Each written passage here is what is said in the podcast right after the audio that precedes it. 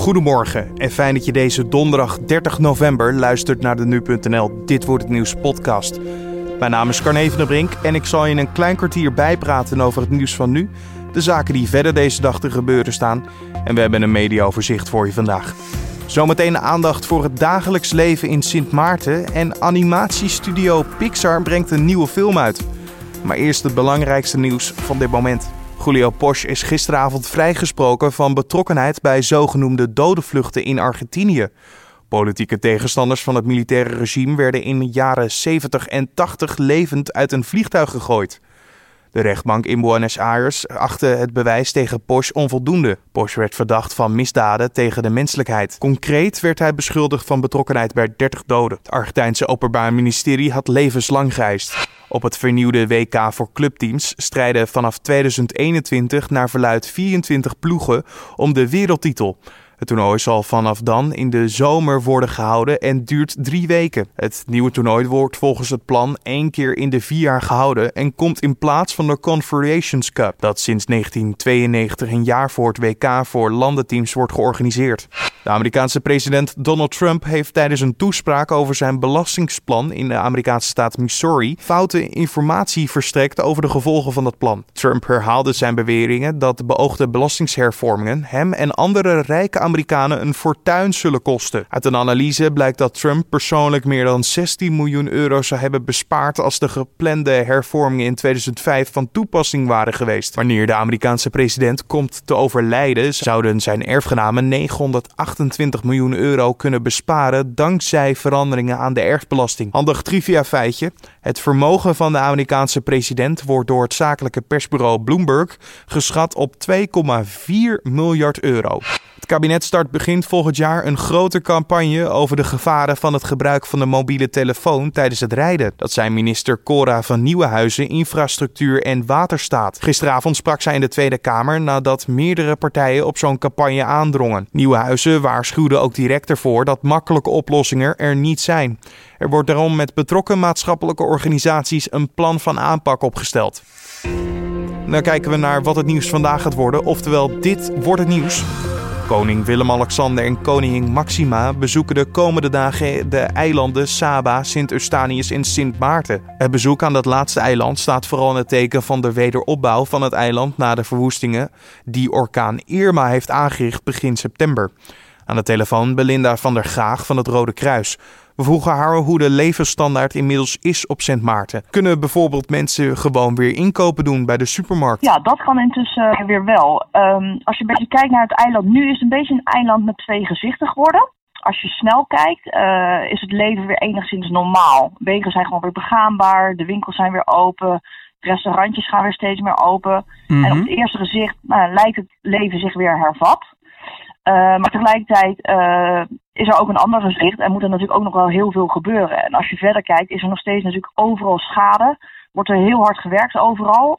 Nee, als je op het eiland nu rondgaat, en ik ben er zelf net geweest, dan uh, hoor je dus overal het geluid van getimmer en geboor. Er wordt heel hard gewerkt om alles te herstellen. Want als je verder kijkt, is er dus echt nog wel overal schade. Mm -hmm. En zo rijdt er bijvoorbeeld geen auto rond zonder schade.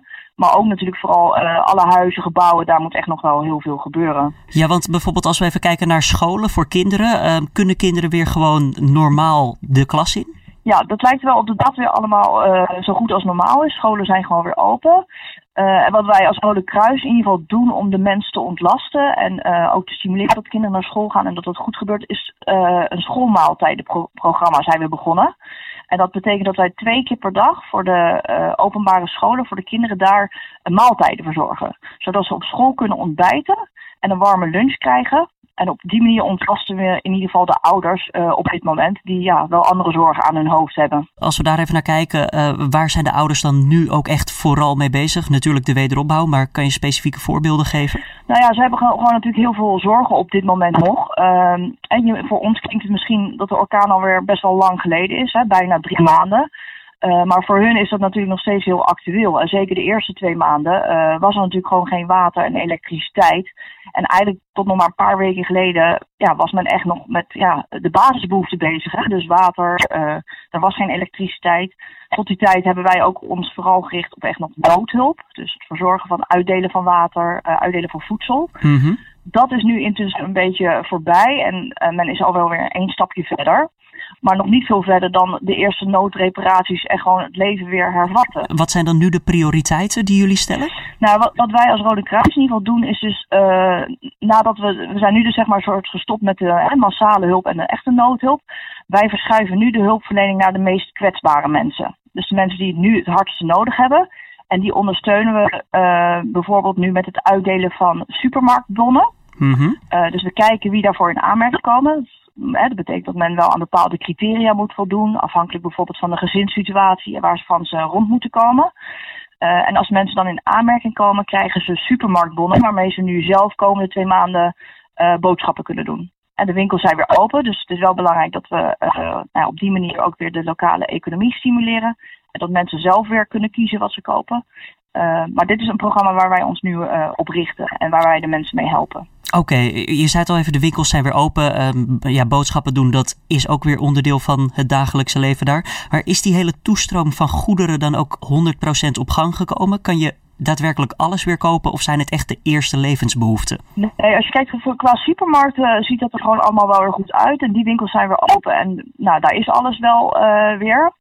Uh, maar als je kijkt wat er bijvoorbeeld nog verder moet gebeuren en wat wij ook nog gaan doen, maar daar moeten we nog mee beginnen, is een zeg maar zelfde soort programma zoals we nu hebben met die supermarktbonnen.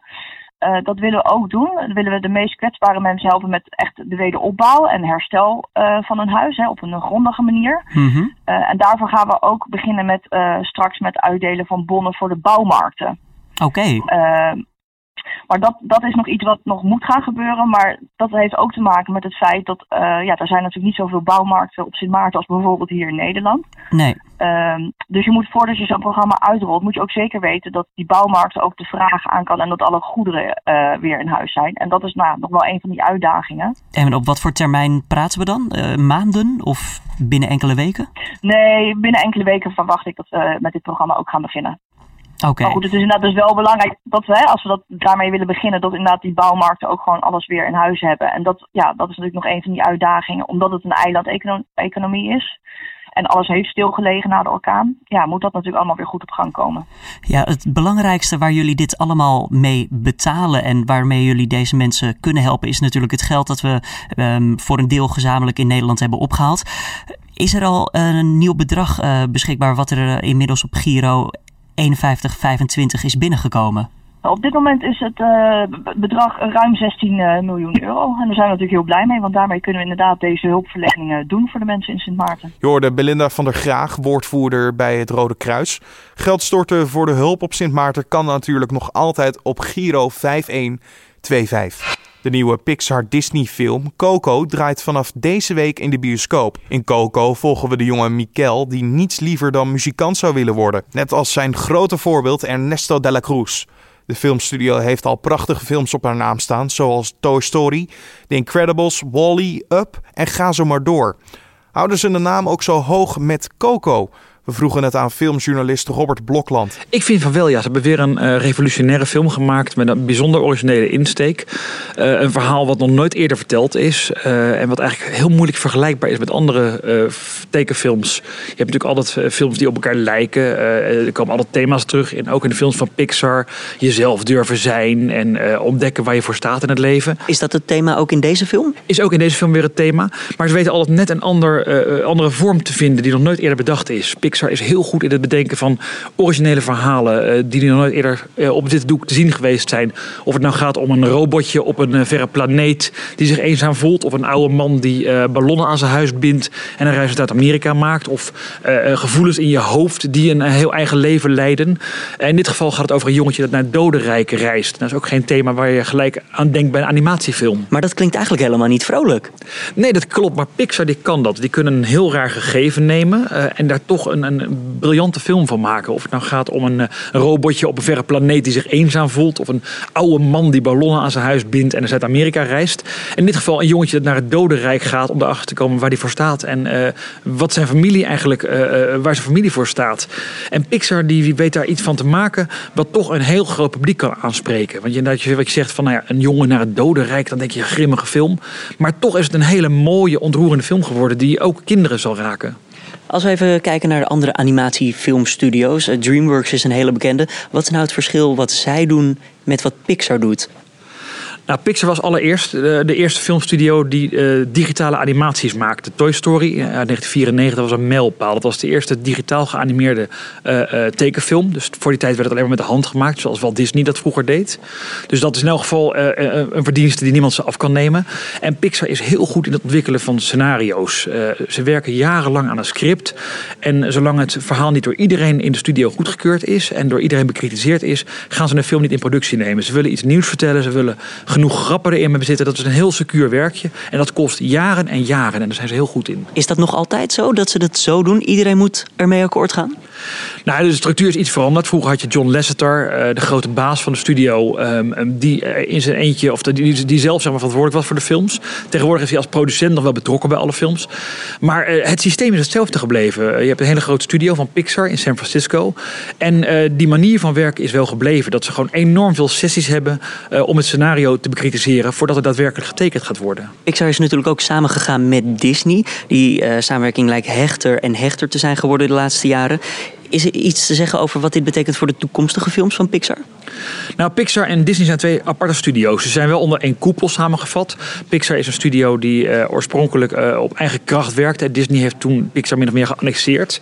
En uh, het blijven twee verschillende divisies die aparte films maken. voor het publiek zal het ook heel moeilijk uit te leggen zijn wat het verschil is. Omdat ze elkaar wel beïnvloeden. Pixar wordt, maakt tegenwoordig ook iets meer publieksvriendelijke film. Iets minder onconventioneel. Terwijl Disney juist iets meer uh, niet Disney films gaat maken. Dus ze, ze, beïnvloeden elkaar zeker. En dat, dat levert meer goede films op. Om dan nog even als laatste punt terug te komen naar Coco. Gaat Coco de Oscar winnen? Uh, nou, de Pixar heeft heel veel Oscars al in de kast staan. Ze hebben er tot nu 16 gewonnen. Dat is, dat is uh, geen record, maar het is wel ontzettend veel natuurlijk voor een studio die pas 25 jaar bestaat. En maar één film per jaar uitbrengt, pak een beet. Ja, maar ze maken ook van die korte filmpjes. Hè. Voor elke Pixar-film is het ook zo'n voorfilmpje. En daar hebben ze ook een aantal Oscars voor gewonnen. Dus we maken elk jaar eigenlijk twee kansen. Uh, maar Coco is wel een hele goede film. En wordt door iedereen ook goed ontvangen. En ik zie eerlijk gezegd geen concurrentie dit jaar. Misschien dat er in Azië nog een hele mooie film gemaakt is. Want die kunnen ook meedingen voor deze Oscar. Maar ik uh, durf mijn geld wel op Coco in te zetten, ja. Je hoorde filmjournalist Robert Blokland. En dit gebeurt er verder vandaag nog. De Duitse bondskanselier Angela Merkel gaat met CSU-leider Horst Seehofer en SPD-leider Martin Schulz om tafel voor een nieuwe ronde coalitieonderhandelingen. Op 19 november mislukten de eerdere formatiepogingen van Merkel om CDU en CSU, FDP en de Groenen bij elkaar te brengen. Afhankelijk had Schulz gezegd niet meer met de christendemocraten van Merkel om zee te zullen gaan. Maar de aandringen gaat hij nu toch in gesprek. Vandaag verschijnt er op nu.nl ook een achtergrondstuk over de Duitse formatiepogingen. Dus hou de app en site goed in de gaten. Het gerechtshof in Den Haag doet uitspraak in de zaak van de borstendokter Rock G. De 58-jarige G werd in oktober 2014 vrijgesproken van de verminking van zijn patiënten. Hierbij ging het voornamelijk over mislukte borstoperaties. Later bleek dat G eigenlijk gynaecoloog was en geen plastisch chirurg. In totaal leidden de 121 klachten tegen hen tot tientallen aangiftes, waarvan er 10 op dagvaardiging terugkwamen. Het Openbaar Ministerie gaat in hoger beroep tegen de vrijspraak en eiste drie jaar cel. Dan kijken we waar onze collega's vandaag over gaan schrijven. De LHBT-belangenorganisatie COC wil dat er nieuw onderzoek komt naar de behandeling van homoseksuelen door de Nederlandse overheid. Aanleiding is onder ontdekking vorig jaar in het Stadsarchief van Amsterdam, schrijft Trouw.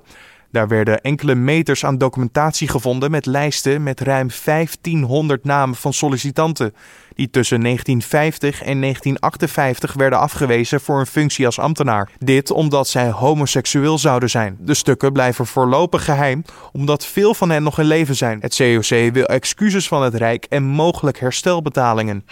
Het AD schrijft vandaag over Defensie die voor het eerst een eigen satelliet krijgt. Dit om inlichtingen te verzamelen, het weer in de gaten te houden en gevoelige informatie naar het front te sturen. Vandaag wordt tijdens een wapenbeurs in Rotterdam een contract getekend voor de bouw van de BRIC 2, die ze vooral zal dienen om de mogelijkheden van militaire satellieten te verkennen. De lancering van de satelliet moet in 2019 plaatsvinden. En dan nog even het weer. Vandaag komen de meeste buien voor in het westelijk helft van het land. Verder schijnt de zon soms. En het wordt vandaag 3 tot 15 graden.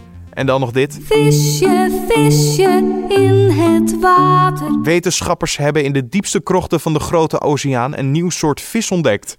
Die kan overleven op een diepte van 8000 meter. Het is volgens zijn ontdekkers de diepste levende bekende vis ter wereld. Ook hebben de ontdekkers een makkelijke naam aan deze vis gegeven: Pseudollar par soirée. En excuses als ik het verkeerd uitspreek. De vis werd ontdekt in de marinetrog in de Grote Oceaan. De trog is met een diepte tot 11 kilometer de diepst bekende plek in de oceaan. De vis ziet er niet uit alsof hij in zo'n omgeving kan overleven, maar kennelijk is hij uitermate succesvol.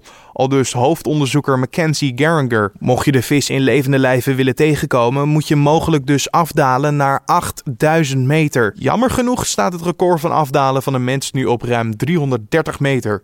Dus we hopen dat hij niet te veel luistert naar deze kraker. Diep in de zee, diep in de zee. Zal je zo missen tussen de vissen, blijf toch beneden. Dit was dan de Dit wordt het nieuws podcast voor deze donderdag 30 november.